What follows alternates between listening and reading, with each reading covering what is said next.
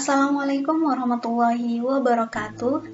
Kembali lagi bersama saya Desi Ratnasari, mahasiswa Akidah dan Filsafat Islam UIN Wali Songo Semarang.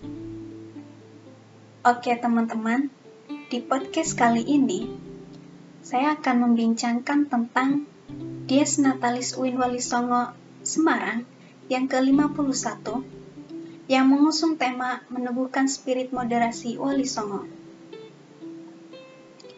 Jadi, peran Wali Songo dalam menyebarkan Islam secara damai ini merupakan cara yang paling tepat untuk Indonesia. Islam masuk ke Indonesia itu dibawa oleh para wali. Dan para wali itu memiliki beberapa generasi yang disebarluaskan melalui wadah pondok pesantren. Syiar agama, pembelajaran Al-Quran, semuanya melalui pesantren. Nah, salah satu wali songo yaitu Sunan Ampel mendirikan pesantren yang diikuti oleh semua santri dari berbagai daerah dan termasuk putranya. Begitu juga dengan para sunan yang lain dalam menyebarkan agama. Nah, para wali ini sukses mengembangkan Islam di Indonesia dan menjadikan agama mayoritas ini menggunakan strategi antara lain dakwah tanpa kekerasan, dakwah dengan santunan. Kedua metode ini berhasil mengislamkan wali dengan luas. Tentunya berbeda dengan penjajah. Mereka juga menyebarkan agama, tapi agamanya tidak laku. Ia juga menyoroti konsep jihad yang kerap disalahpahami oleh banyak orang. Di masa Nabi, jihad ikut berperang dan mati terbunuh di medan perang. Tidak ada mati yang bunuh diri lalu disebut jihad atau mati syahid. Itu nggak pernah ada. Dan salah satu spirit dan ajaran Wali Songo yang patut kita teladani untuk merespon dinamika perkembangan zaman itu adalah praktik moderat dalam beragama. Mengingat moderasi beragama ini merupakan pengejawantahan dari komitmen kebangsaan Hal ini juga tentunya merujuk pada konsep kebangsaan yang dipraktekkan oleh Nabi di dalam konteks masyarakat Madinah, yaitu prinsip mendahulukan hidup berdampingan sebelum religiusitas. Ini menunjukkan fungsi agama dalam menjadikan umatnya sebagai umat yang maju, baik secara peribadahan maupun dalam kehidupan sosial kemasyarakatan.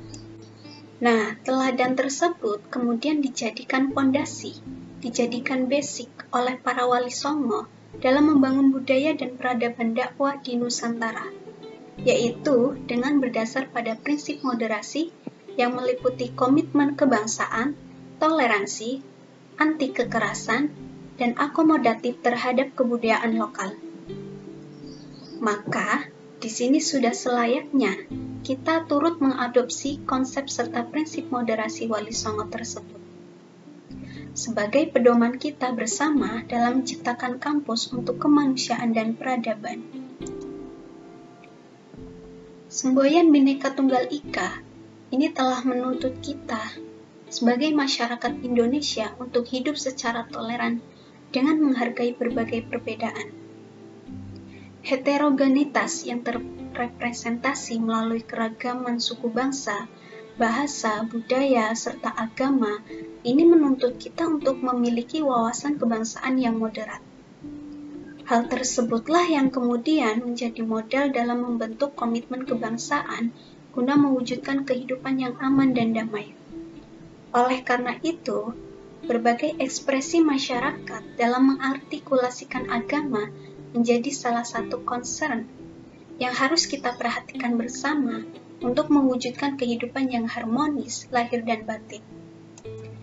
Dengan tema besar meneguhkan spirit moderasi Wali Songo ini, menandai 51 tahun perjalanan UIN Wali Songo Semarang sebagai perguruan tinggi yang terus bertransformasi menuju universitas kelas dunia. Kata Wali Songo yang tersematkan dalam identitas perguruan tinggi ini tentunya tidak semata-mata diorientasikan sebagai penanda yang membedakan dengan perguruan tinggi Islam lainnya. Namun lebih dari itu, spirit dan ajaran dari Wali Songo ini telah menjadi ruh yang mendasari berbagai agenda pengelolaan serta pengembangan kampus dalam konteks akademik maupun non-akademik. Oleh karena itu, peringatan Dies Natalis ke-51 ini menjadi momentum yang tepat untuk meneguhkan kembali spirit dan ajaran Wali Songo melalui apa? Melalui refleksi dan kontekstualitas kontekstualisasi pada masa kini. Oke teman-teman, sekian podcast hari ini. Sampai jumpa di lain waktu. Wassalamualaikum warahmatullahi wabarakatuh.